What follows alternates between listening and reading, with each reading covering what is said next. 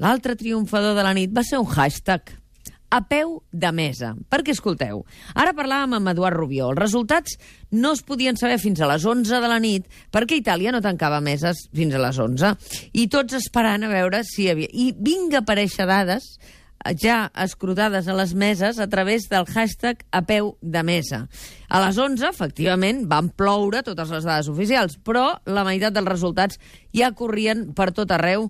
El responsable d'aquesta etiqueta era, entre altres, el politòleg i professor de la Universitat Ramon Llull, Roger Buch. Roger Buch, bon dia. Hola, bon dia, Mònica. Quan, quan vau decidir tirar endavant el hashtag i intuíeu que passaria el que va passar, que les xarxes acabarien anticipant els resultats, no? No, de fet va ser relativament espontani, perquè ja som, de fet, molta gent que estem molt addictius al seguiment de, la, de les eleccions des que hi ha Twitter, Mm -hmm. i tot va venir de, que vaig fer un tuit, jo anava mirant què sortia a les urnes, els apoderats i els interventors anaven posant els seus resultats, i vaig fer un tuit dient, ostres, que veig que els de Podemos van molt forts, i aleshores doncs, eh, un investigador, Javier del Campo, Sí. usuari fonamental de Twitter, em pregunta, i si fem un hashtag per recomptar les taules? Diu, escrutini o peu de mesa? Doncs escolta, li la dic, vau "A peu de clavar, mesa". eh, company?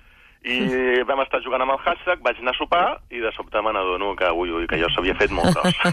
es va fer molt gros, nosaltres us ho agraïm, perquè en el programa especial de Catalunya Ràdio ahir la nit en David Bassa va fer seguiment del hashtag a peu de mesa i gràcies a la vostra informació vam poder anar coneixent informacions que, si no, hauria calgut esperar a les 11 de la nit. Per tant, té algun sentit, Roger, des del punt de vista de tot el que vam viure ahir, que la decisió de la Unió Europea sigui prohibir la difusió de dades parcials d'escrutini?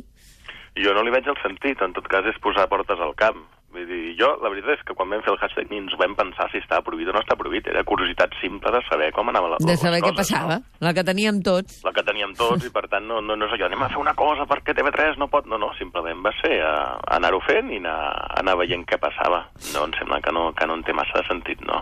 Doncs ara analitzarem aquestes dades perquè efectivament vam poder veure que Podemos anava avançant entre d'altres coses perquè el hashtag a peu de mesa va assenyalar ja ben d'hora que, per exemple, a Gavà havia obtingut un 19% dels vots en aquella localitat i, I, per tant... els, els frecs sí. frecs entre Convergència Esquerra a la Catalunya interior va Sí. ser també molt, molt curiós, eh? Sí, sí.